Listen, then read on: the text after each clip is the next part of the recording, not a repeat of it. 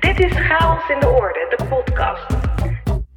Ik ben Rachel Levy en in deze podcast ga ik ontrafelen hoe we oude patronen kunnen doorbreken en hoe we meesters kunnen worden in creativiteit en innovatie. Problemen zijn misschien wel de grootste voedingsbodem voor onze creativiteit. Als we een probleem hebben, willen we het oplossen. We willen onze tanden erin zetten en niet rusten tot we een doorbraak hebben. Het willen oplossen van een probleem wakkert niet alleen onze creativiteit aan, het zorgt er ook voor dat we in beweging komen. Dat we beginnen met proberen. En toch is er meer nodig dan creatief denken. Het is ook nodig dat we kritisch denken. Ja, en als je rondkijkt en luistert tijdens de gemiddelde vergadering of brainstorm-sessie, denk je misschien dat het met dat kritisch denken wel goed zit. Het ene na het andere bezwaar wordt opgeworpen, de ja-maars volgen elkaar op. Maar dat is dus niet wat ik bedoel met kritisch denken. Kritisch denken gaat voor mij over het betrappen van jezelf en elkaar op een tunnelvisie een gebrek aan perspectieven aan tafel, waardoor problemen misschien wel worden opgelost, maar voor wie eigenlijk? Het gebrek aan perspectieven aan tafel heeft al heel vaak geleid tot oplossingen die heel geschikt zijn voor de mensen die hem hebben bedacht, maar zeker niet voor iedereen. Zo zijn er tal van producten die een prima oplossing zijn voor de mannen die ze bedachten, maar niet voor de vrouwen die ze ook gebruiken. Stemherkenning en apparaten bijvoorbeeld werkt vooral voor lagere stemmen, voor mannen dus. En de veiligheid van auto's wordt getest met crashdummies die de verhoudingen hebben van een mannenlichaam. En daardoor hebben vrouwen veel meer kans op ernstige verwondingen. En wat dacht je van zeepdispensers die vooral reageren op een witte huid? Of een algoritme dat de beste cv selecteert voor een vacature, maar die selectie maakt op basis van de kandidaten die de afgelopen tien jaar werden aangenomen. En laten dat nu net allemaal witte mannen zijn. Of denk eens aan sociale oplossingen. Grote kans dat jonge gelijkgestemde ambtenaren een app bedenken voor een doelgroep die die app niet kan gebruiken omdat er bijvoorbeeld een taalkloof is. Of dat lage letterden, waarvan er in Nederland toch al gauw 2,5 miljoen zijn, een super ingewikkelde brief krijgen thuisgestuurd van de Belastingdienst of het UWV door medewerkers die zelf zijn opgeleid op HBO-plus niveau. Nou ja, je begrijpt me denk ik. Als we innovatie en creativiteit werkelijk belangrijk vinden, moeten we het ook hebben over diversiteit. We hebben diverse teams nodig, want homogene teams ontwikkelen producten en diensten voor mensen die op hen lijken. En dus hebben ze snel blinde vlekken voor de rest. Ik spreek met Belinda Bandje. Ze is zelf niet in een hokje te plaatsen, of juist in heel veel hokjes. Ze hield een TED-talk over diversiteit bij TEDx Youth Groningen en probeert diversiteit op een creatieve manier bij organisaties op de agenda te zetten. Chaos in de orde. De zoektocht. Diversiteit is voor veel organisaties een thema op de agenda. Maar hoe ziet zo'n organisatie eruit? Een organisatie die divers is en die diversiteit ook nog eens goed weet te gebruiken. Deze ideale wereld zou je heel veel verschillende soorten mensen zien. Niet alleen aan de buitenkant, maar ook aan de binnenkant. Hoe ze denken, uh, hoe ze in het leven staan. Uh, ik zie allemaal plekjes in de organisatie waar mensen met elkaar op een creatieve manier hun ideeën tot uiting kunnen brengen. Um, en ik zie een relatief platte organisatie waar, uh, waarbij mensen dus zelf de ruimte krijgen en het eigenaarschap om hun werk vorm te geven. Dat is dan wat ik zie. Je hoort Belinda Bandje. Door haar persoonlijke verhaal werd diversiteit een thema waar ze als vanzelf steeds meer over nadacht. Ze ging zich er steeds vaker over uitspreken. Op de werkvloer, maar ook op het podium. Het is een onderwerp waar ze gepassioneerd over is. En met reden. De kracht van diversiteit is dat je veel perspectieven uh, um, kan benaderen, kan behandelen, um, in processen kan stoppen. Um, en in, in mijn optiek is er niks beters dan dat. Uh, als je een product maakt of een, of een dienst inricht, dan wil je dat voor zoveel mogelijk mensen doen. Um, en die verschillende perspectieven zijn er gewoon absoluut voor nodig. Um, je wil niet de blinde vlekken hebben. En je ontkomt aan blinde vlekken door gewoon heel veel verschillende soorten mensen in je organisatie te hebben. Nou, en dat is toch, ik bedoel, wat is er mooier dan dat? Dat je oprecht achteraf kan zeggen, nou, we hebben gewoon iets neergezet wat een overgroot deel van de markt, van de Nederlandse samenleving raakt, inspireert, dient. Um, ja, ik denk daar gaat het gewoon om. We hebben nog een lange weg te gaan, zegt Belinda. Om diversiteit in de samenleving en op de werkvloer te benutten als superkracht, is het eerst nodig dat we erkennen dat iedereen een andere ervaring heeft. En dat een situatie die voor de een vanzelfsprekend en makkelijk is, voor de ander een strijd betekent. Een strijd om mee te mogen praten, mee te mogen doen, dat sommige mensen niet zomaar een plek aan tafel krijgen, maar zich eerst moeten losvechten uit een positie van achterstand, puur en alleen om hoe ze eruit zien, in welk lichaam ze zijn geboren, wie hun ouders zijn of welke opleidingen ze hebben genoten. Dit gegeven wordt uit ongemak vaak weggemoffeld of niet erkend. En tot het moment dat we met elkaar beseffen dat het gewoon feitelijk zo is, kunnen we er ook niet zo heel veel aan veranderen. Dan zullen we um, alles zien in het perspectief van wij en zij. En wij en eigenlijk gewoon een beetje vervelend en zeurderig. Um, maar niemand wil zeurderig zijn. Iedereen wil dezelfde kansen hebben. Ik geloof niet dat mensen per se gelijk zijn, maar wel gelijkwaardig. En sommige mensen moet je net een extra handje helpen. Omdat uh, we in de samenleving gewoon bepaalde ideeën hebben. Bijvoorbeeld over uh, iemand met een ingewikkelde achternaam. Of iemand die eruit ziet zoals ik met een zwarte huidskleur. Uh, het is feitelijk zo dat je dan op sommige gebieden gewoon achtergesteld wordt en minder kansen hebt. Um, en dat is niet om vervelend te zijn of ingewikkeld te zijn. Dat is gewoon hoe het is. En als we dat met elkaar kunnen accepteren, kunnen we ook gaan praten over hoe belangrijk het dan ook is om die vertegenwoordiging op allerlei plekken in de samenleving te hebben. En als we al die vertegenwoordigers hebben, nou, dan hebben we een rijkdom aan perspectieven. Dan kunnen we met elkaar op een hele creatieve manier aan de slag met: oké, hoe gaan wij bepaalde diensten, wetgeving, beleid inrichten voor al deze verschillende mensen? En dan zorg je ervoor dat iedereen dezelfde kansen krijgt in de samenleving. Belinda hamert zo op de erkenning van het gegeven dat we wel allemaal gelijk zijn, maar geen gelijke ervaringen hebben omdat het het begin is van een goed gesprek.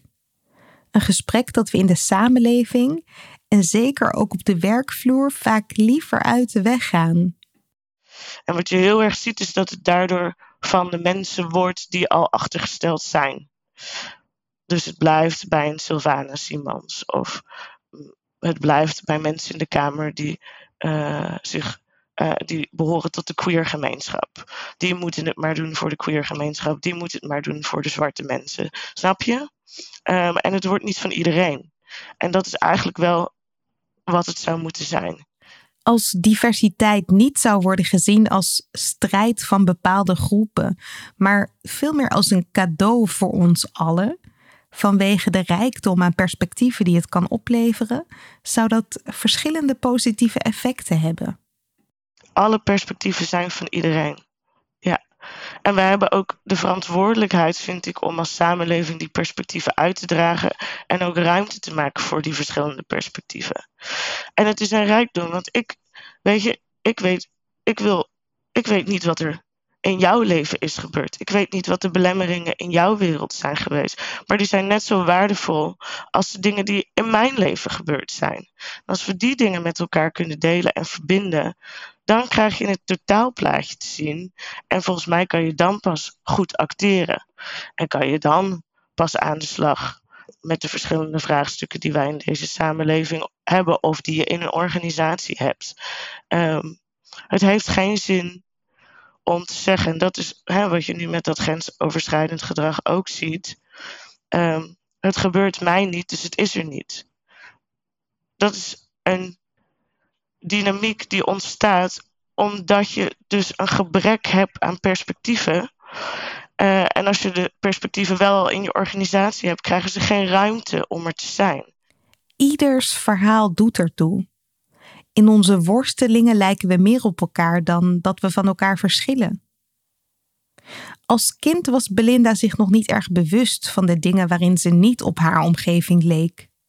Ze zag zelf vooral waarin ze wel op haar omgeving leek.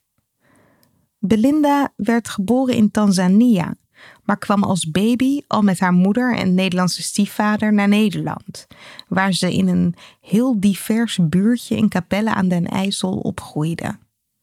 Eigenlijk merkte ze ook niet dat ze zwart was. Maar toen ik zes was, zijn we naar België verhuisd. Uh, en België toen de tijd, 1996 was het ongeveer.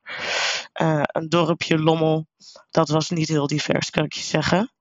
Um, en ook omdat mijn stiefvader zelf een Nederlandse man was. Het overgrote deel van mijn omgeving was wit. Um, dus ik ben zelf ook best wel eenzijdig opgegroeid en opgevoed. Um, dat betekent niet dat ik natuurlijk wel een beetje van de cultuur van mijn moeder heb meegekregen. Um, maar ik heb dat nooit zo gewaardeerd uh, als de Nederlandse cultuur, om het zo maar te zeggen. Um, die sprak mij veel meer aan. Um, ja, en ik heb me daar nooit zo uh, in verdiept. Totdat ik op school best wel regelmatig gepest werd vanwege mijn huidskleur. Toen begon ik me opeens te beseffen: oh, ik ben een beetje anders. Nou, uh, je weet hoe kinderen dat doen. Er, wordt geschreeuwd, er wordt gepest, er wordt een keer teruggeslagen. En toen was het eigenlijk wel afgelopen. Um, maar toen ik een stuk ouder werd uh, en ging studeren en terug naar Nederland kwam, en in het zuiden van het land ging studeren, toen begon ik me opeens wel echt te beseffen: wow, wacht even. Uh, mensen kijken raar naar me. Uh, mensen behandelen me anders. Uh, allemaal dingen die ik niet per se gewend was. En waarom dan? En dan ben je opeens op een leeftijd uh, dat je kan gaan nadenken over wat zijn dit soort dynamieken nou? Wat gebeurt er nou met me? En als ik dan ging solliciteren, kijk, heet Belinda Bandje. Je zult aan mijn naam niet per se zien waar ik vandaan kom. Als je me aan de telefoon hebt, ook niet. Uh, nou, dan werd ik uitgenodigd en dan kwam ik op locatie en dan zei ik, ik ben Belinda Bandje. En dan zag je gewoon in mensen hun ogen volledige verwarring ontstaan. Um, en je wist dan gewoon, oh ja, deze mensen weten natuurlijk helemaal niet dat ik een zwarte vrouw ben. Nou, dat soort dingen. Maar ook gewoon blatant racism, weet je, dat je in de bus zit en dat mensen niet naast je willen zitten. Um, en ik heb één keer een mevrouw daar achteraf op bevraagd en die zei echt, uh, uh, ik hoef niet naast de vieze vuile negers te zitten. Door haar ervaringen werd Belinda zich steeds meer bewust van zichzelf. Ze zag niet langer alleen de overeenkomsten met anderen, maar ook de verschillen. Dat zijn hele ingewikkelde dynamieken en als kind is dat moeilijk om te begrijpen. Naarmate je ouder wordt, uh, ga je dat wel realiseren. Maar het heeft mij heel veel gebracht. Toen ze opgroeide, leerde Belinda dat ze met 1-0 achter stond. Om dat te compenseren deed ze extra haar best, werkte harder op school en in haar studie dan alle anderen. De ervaringen die ze onderging waren ingewikkeld, maar brachten ook een steeds sterker bewustzijn met zich mee. Ja, ik ben in sommige opzichten verschillend, maar dankzij dat andere perspectief heb ik ook iets te brengen. Ik kan anderen ondanks, of misschien wel dankzij mijn verhalen, iets brengen. Ik kan iets betekenen voor de samenleving, voor organisaties. Zo kwam Belinda terecht bij de afdeling integratie van de gemeente Den Haag en kon ze later haar eigen bureau beginnen om diversiteit en inclusie in organisaties vorm te geven. En op deze manier kan ik iets wat in eerste instantie misschien voelde als een soort van uh, handicap gebruiken als, nou, dat heb ik ook in mijn TED-talk gezet, letterlijk als een superkracht. Uh, en en ik, ik, ik geloof daar echt ook hardvochtig in. Dat uh, hoe meer verhalen je hebt, uh, hoe meer lagen in je identiteit zitten, uh, hoe interessanter en, en, en voller je leven wordt. Um, en je relaties worden. Maak van je shit je hit, zeggen ze wel eens. Belinda slaagde erin haar vervelende ervaringen in te zetten als verhalen die leiden tot verandering. Via haar verhalen maakt ze verbinding met anderen, waardoor de perspectieven van die anderen steeds ruimer worden. Dit is natuurlijk niet voor iedereen met vergelijkbare ervaringen hetzelfde, maar Belinda haalt er motivatie uit om mensen iets te leren. Ik heb altijd het gevoel gehad, en voelde ik me gedwongen niet per se, maar ik, uh, ik heb altijd gemerkt dat ik, ik ben echt een verhalenverteller. Ik vind het belangrijk dat mensen mijn verhaal ook kennen. Er is niemand in mijn wereld die, die mijn verhaal niet kent. De vervelende kanten ervan, de mooie kanten ervan. Uh, wat mij betreft zorgt dat voor oprechte verbinding ook op de werkvloer. Um, die verbondenheid heeft mij de het veilige gevoel gegeven om dus ook de gesprekken over kleur, discriminatie. Ik ben ook nog een queer vrouw. Uh, hè, om het over al die thema's en onderwerpen te hebben, zonder een vingertje te wijzen. Dus gewoon om het open gesprek daarover aan te gaan. En ik heb iedereen altijd uitgenodigd om helemaal vrij en soms helemaal idioot de vragen te stellen die ze willen erover. Gewoon uit oprechte nieuwsgierigheid. Omdat ik me absoluut niet persoonlijk beledigd voel. Um, en ik denk dat je op dat moment, als je elkaar daar in die oprechte nieuwsgierigheid treft, dan kan je echt de verbinding met mensen aangaan. En ik heb altijd het gevoel gehad dat ik daar goed in ben. Um, dus ik dacht, waarom niet? Maar ik wil daar ook de kanttekening bij plaatsen. Als jij heel je leven die rol op je hebt moeten nemen en je hebt je verplicht gevoeld om altijd maar dat verhaal te vertellen, kan ik me heel goed voorstellen dat je zegt: het is nu genoeg. En dus ik vind dat mensen ook die vrijheid moeten hebben. Voor Belinda voelt het heel natuurlijk om haar ervaringen te delen en op zoek te gaan naar manieren waarop niet alleen haar eigen perspectief wordt gehoord, als vrouw, als zwarte vrouw, als zwarte queer vrouw, maar ook al die andere perspectieven van mensen die net als zij verhalen hebben, die net weer een ander licht laten schijnen op een situatie. Maar ik denk dat het evenzeer belangrijk is om het te hebben over wat ons met elkaar verbindt. Uh, en dat gaat echt voorbij kleur en voorbij met wie je naar bed gaat, uh, hè, om het maar even zo plat te zeggen.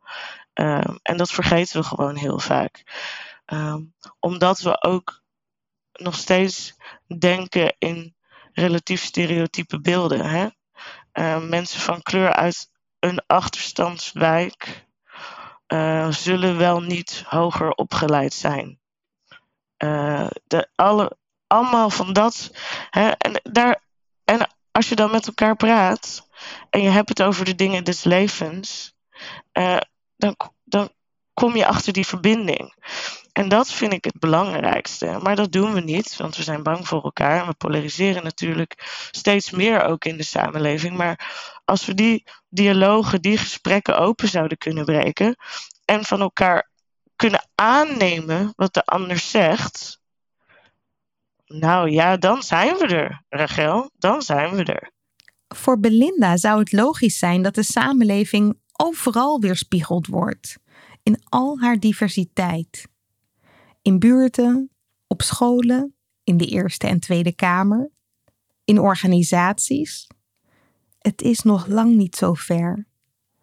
Althans, er is in organisaties vaak wel enige diversiteit, maar wel vaak in de lagere schalen.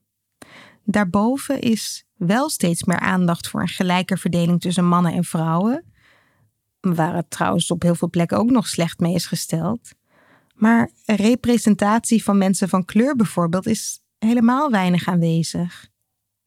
Ja, maar dat, dat heeft eigenlijk met dezelfde dynamieken te maken. Als jij heel lang een homogene groep in je organisatie hebt gehad, die verantwoordelijk zijn om beleid te maken en om nieuwe mensen te werven. We hebben het allemaal in ons om dezelfde soort mensen aan te trekken en aan te nemen. Dat is natuurlijk wat je ziet. En als je je niet bewust bent van die blinde vlek, dan uh, zul je altijd hetzelfde soort poppetje aannemen. En dat gaat niet alleen om de buitenkant, want dat vind ik een mooi voorbeeld. De afdeling integratie die was heel divers, dat weet je nog. Alle kleuren van de regenboog. Um, maar toen gingen we kijken naar uh, wat voor type mensen, dus dat blauw, groen, oranje, hè, uh, wat voor type persoonlijkheden, professionele persoonlijkheden hebben we dan binnen ons team. En dat was bijna allemaal hetzelfde. Dus ook wij gingen heel onbewust op zoek naar mensen die op ons leken.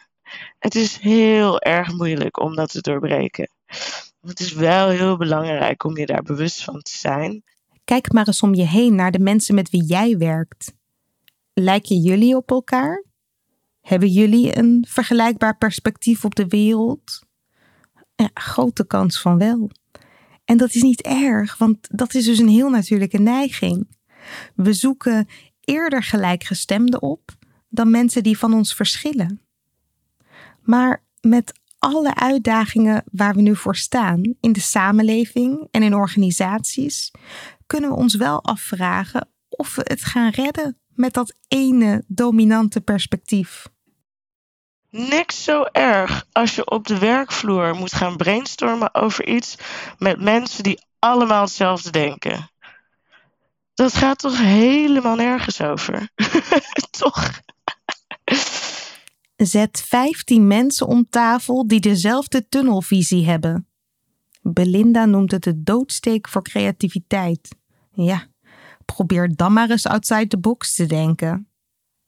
Belinda snapt hoe het zo is ontstaan en gegroeid, maar verwondert zich erover dat het in onze tijd nog steeds zo is dat de meerwaarde van verschillende perspectieven binnen organisaties en om producten te ontwikkelen, diensten in te richten, uh, nooit echt is gevoeld. Want ik heb het gevoel dat we daardoor alleen maar moeten corrigeren. Oh, oké, dus we hebben iets met, met elkaar bedacht. Allemaal hetzelfde soort mensen.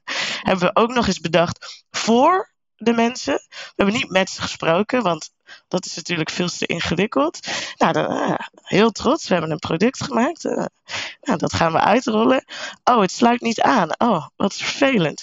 En dan nog beseffen we ons niet. Oh, nee, misschien hadden we, moeten we dit toch met verschillende soorten mensen gaan doen. Uh, moeten we de mensen waar we het over hebben ook betrekken?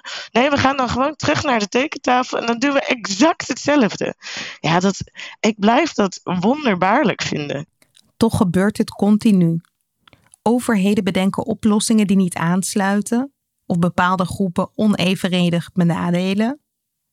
Bedrijven ontwikkelen producten die niet voor iedereen zijn, zoals telefoons die wel in een mannenhand passen, maar niet in een vrouwenhand. Of gezichtsherkenning om je telefoon te ontgrendelen. Maar die werkt dan vervolgens vooral bij witte mensen, want zwarte mensen ervaren een hogere foutmarge.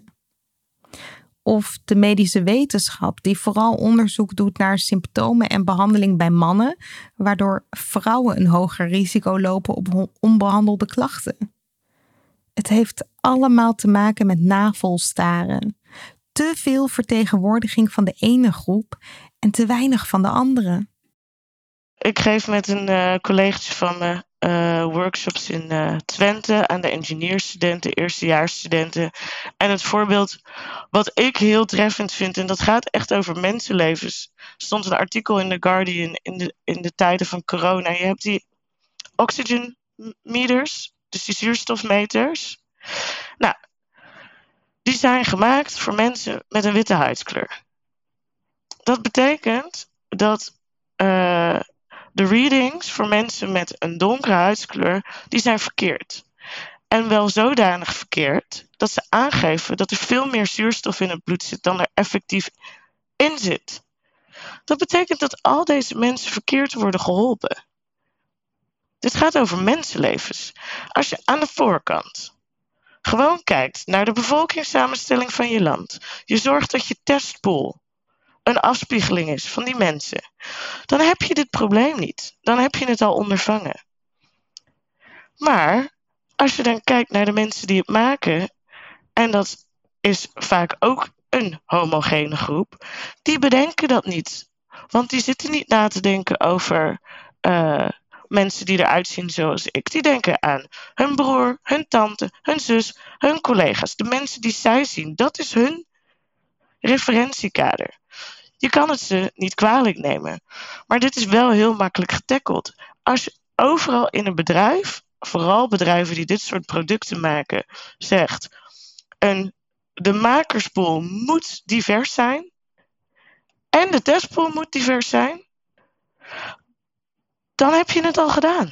Tot welke groep of groepen je ook behoort, als de groep homogeen is, krijg je vanzelf een blinde vlek we hebben het allemaal.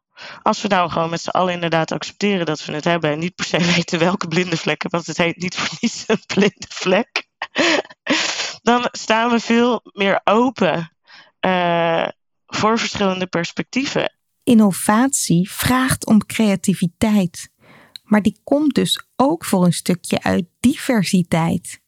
Ik geloof echt dat als je omgaat met creativiteit en een voedingsbodem, een echte voedingsbodem creëren voor creativiteit, dan, dan gaat dat hand in hand met um, nou, het verbeteren van diversiteitsvraagstukken, het tegengaan van discriminatie.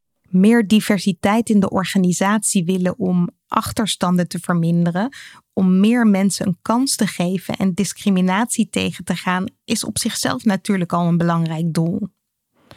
En als het daarnaast betekent dat je met elkaar het denken over onderwerpen kunt verruimen, waardoor je voor sommige problemen nu een keer echt tot nieuwe oplossingen komt, is dat natuurlijk mooi meegenomen. Want met oude patronen en bekende oplossingen komen we er niet. Ik denk dat je als organisatie heel succesvol zal zijn als je ehm, ervoor zorgt dat er een voedingsbodem is voor medewerkers om zich te uiten over allerlei verschillende zaken die voor hen belangrijk zijn. En hier ook een podium voor te bieden. Dus dat je als organisatie echt een luisterend oor biedt. Um, en het niet doodslaat. En zegt, nou, jij ervaart dat misschien zo, maar wij zien dat niet zo als organisatie. Maar dan, gaat, dan ga je weer terug naar die oprechte nieuwsgierigheid. Dat gesprek open blijft voeren en dus aan de mensen zelf vraagt wat ze nodig hebben. Als iemand in de organisatie aangeeft dat een bepaalde stem nog onvoldoende is gehoord of dat een bepaalde groep ontbreekt aan tafel, neem het dan serieus. En als je iemand spreekt die het nieuwe perspectief kan verwoorden, vraag dan vooral aan die persoon of personen wat ze nodig hebben wat ik bijvoorbeeld een heel mooi voorbeeld bij de gemeente Den Haag vind, is het Pride-netwerk. Daar zijn uh, queer medewerkers zijn opgestaan en hebben gezegd: wij willen meer vertegenwoordiging. Uh, wij zouden ook graag uh, als expertise groep naar de organisatie toe willen fungeren. Krijgen wij daar tijd, ruimte en geld voor? Ja, dat krijgen jullie, want wij vinden dat ook belangrijk. Dat soort dingen. Daar gaat het in mijn optiek om. En volgens Belinda lijkt die houding heel erg op de gewenste houding ten aanzien van creativiteit. Niet meteen in de weerstand schieten of antwoorden met ja, maar dat hebben we al geprobeerd. Nee, je hebt juist nieuwsgierigheid nodig en de bereidheid om te zeggen: oké, laten we het dus zo proberen. Belinda gelooft ten aanzien van diversiteit niet zo heel erg in specifieke diversiteitsplannen. Plannen richten zich veel te vaak op een afgebakend project, iets met een kop en een staart. Dat werkt niet, denkt Belinda. Als organisatie denk je altijd over, nou, we krijgen nu geld en over een jaar moet het uitgegeven zijn en moet, moet je bereikt hebben wat je uh, beoogde te bereiken. Terwijl als je kijkt vooral naar sociale vraagstukken, er is niet zoiets als een einde. Dus ik denk dat een van de dingen die we moeten loslaten is dat we voor één jaar of twee jaar plannen maken, maar zeggen we bieden ruimte om te experimenteren. En we bieden ruimte om uh, uh, uh, op momenten in het proces dingen te wijzigen als het niet meer past. Dat is één. En als het aankomt op mensen aannemen, natuurlijk, je ziet het overal. Um, wat we hebben gedaan tot nu toe ten aanzien van vrouwen, mensen van kleur, uh, queer mensen, uh, dat is niet genoeg. We hebben niet genoeg aandacht besteed aan het werven van een diverse club mensen. Maar het klopt, we doen het nog steeds precies op dezelfde manier. We schrijven teksten op dezelfde manier. Uh, vaak vrij complex, waardoor je altijd hetzelfde type mensen zult krijgen. Maar ook altijd met tekst, waardoor je mensen krijgt die houden van tekst. En er zijn zoveel verschillende manieren om mensen te werven door middel van beelden, door middel van video. Gewoon andere methodes inzetten. En ik denk dat er genoeg organisaties zijn die de blinde vlekken kunnen doorbreken um, met recruiters, met HR-onderdelen binnen organisaties, die mee kunnen denken over hoe schrijf je een wervingstekst nou op een andere manier. Um, en ik denk dat als je daarvoor open staat als organisatie, ja, dan kan je er in ieder geval zorgen dat je de diversiteit in je organisatie krijgt. Maar dan ja, komt de echte uitdaging. En de echte uitdaging is om die diversiteit ook te behouden. Ga maar na. Als jij als een soort nieuwe, frisse wind wordt binnengehaald en iedereen om je heen zit nog vast in oude patronen en gedragingen, is de kans groot dat je je niet echt thuis gaat voelen. Ben je dus als organisatie ook wendbaar en open genoeg om te kijken naar je organisatiecultuur? Um, en dat betekent, is er ruimte voor iedereen? En is er ruimte voor al deze verschillende perspectieven en mensen en wensen? Um, dat is nog allemaal niet zo makkelijk. Als je nieuwe perspectieven uitnodigt in je organisatie, moet je vervolgens ook oprecht geïnteresseerd zijn in de beleving van die nieuwe mensen. Dat doe je door te blijven vragen. Gaat het goed? Wat gaat er goed? Wat heb je nodig? Maar dat geldt niet alleen voor mensen met een diverse achtergrond, dat geldt voor al je mensen. En dat vergeten we heel vaak. Maak het veilig en prettig voor iedereen. Dat betekent dat je niemand bijzonder hoeft te behandelen, maar iedereen speciaal. Dat je iedereen in je organisatie serieus neemt. En als mensen zich uitspreken over een vervelende ervaring, dat ze dan zien dat er iets verandert. Dat is wat ik alle organisaties zou willen adviseren. Luister ernaar, neem dat serieus. Um, uh, luister naar je medewerkers en probeer dat dan ook om te zetten naar iets structureels in beleid, et cetera, et cetera. Belinda werkt nu zelf bij een woningbouwcorporatie, waar ze zowel heel veel diversiteit ziet als creativiteit ervaart. De organisatie neemt werknemers serieus in wie ze zijn, in hun persoonlijke verhalen en perspectieven en ook in hun ideeën en oplossingen. Belinda ervaart dat mensen de ruimte krijgen. De ruimte om zichzelf te zijn, de ruimte om mee te denken en de ruimte om dingen te veranderen, iets nieuws uit te proberen. Voor Belinda hoort dat bij elkaar. Het is de invulling van een open cultuur waarin authenticiteit gewaardeerd wordt en dus diversiteit en creativiteit. En mocht jouw organisatie daar nu nog niet erg bewust mee bezig zijn, probeer het dan zelf alvast te doen. En dat kan met hele kleine stapjes. Ja, ga eens een kop koffie drinken met iemand die je niet kent. Iemand waarvan je misschien hebt gedacht, nou, die denkt echt heel anders dan ik ben, of die komt helemaal ergens anders vandaan. En probeer die oprechte nieuwsgierigheid eens op te zoeken.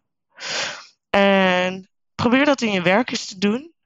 En probeer te kijken of je dan iets kan vinden wat jullie allebei heel erg passioneert in je werk. Wat jullie verbindt. En na eentje probeer twee, drie, vier, vijf. Um, en je zult zien dat het je werk op zo'n positieve manier gaat beïnvloeden. Dat geloof ik echt. Dat zou mijn tip zijn. Ga, ga, ga het eens proberen. En merk je de komende tijd dat bij jullie aan tafel belangrijke perspectieven worden gemist?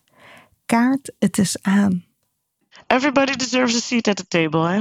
Dat is, uh, sommige mensen moeten er wat harder voor vechten. Dus als je als organisatie dat kan faciliteren, dan sta je echt 10-0 voor. Chaos in de orde. De zoektocht. Als je je alleen maar omringt met mensen die op je lijken, ontstaat er een soort bubbel om je heen. En binnen die bubbel voelt het alsof je vrij en ruim denkt, maar je ziet niet wat je niet weet. En als je je niet bewust bent van blinde vlekken, is de kans klein dat je op zoek gaat naar andere perspectieven. Je zult eerder steeds dezelfde connecties maken en steeds tot dezelfde conclusies komen. Belinda zegt het heel mooi. Erken dat je nooit alles weet, alles ziet, alles begrijpt en zeg een keer hardop: Ik heb geen idee, maar ik wil alles weten.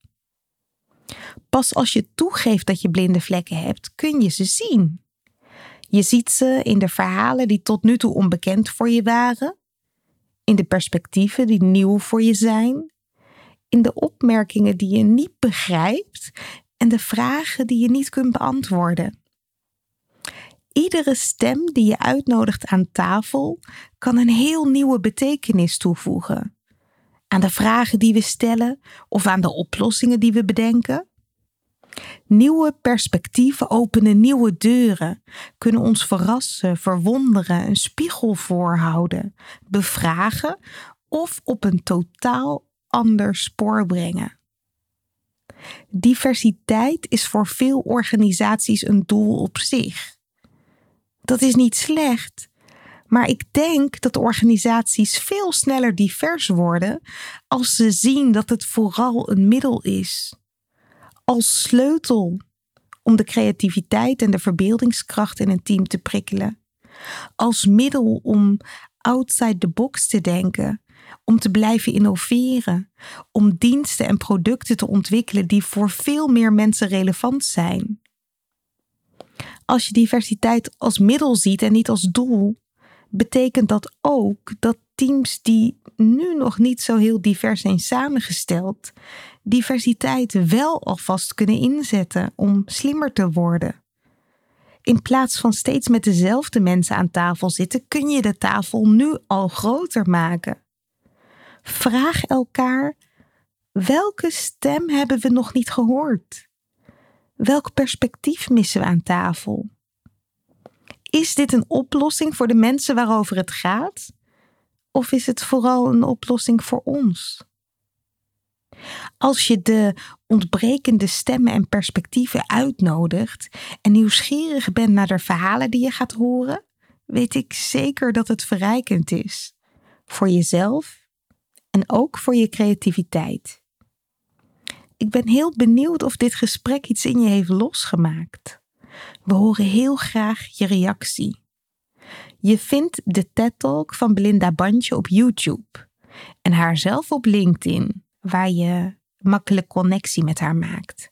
En als je daar toch bent, maak dan meteen even connectie met mij. Creativiteit, innovatie. Het lijkt omgeven door een mysterieuze mist. Een geheim voor briljante breinen en getalenteerde kunstenaars. En toch, het moet toch voor iedereen toegankelijk zijn? Aflevering voor aflevering graaf ik steeds een stukje dieper. Ben jij enthousiast? Abonneer je dan op deze podcast en laat een review achter in de app waarmee je luistert. Hoe meer reviews we ontvangen, hoe meer mensen deze podcast kunnen vinden. Zo zorgen we samen voor meer chaos in de orde. Wil jij zelf chaos in de orde brengen? Download dan gratis het e-book Chaos.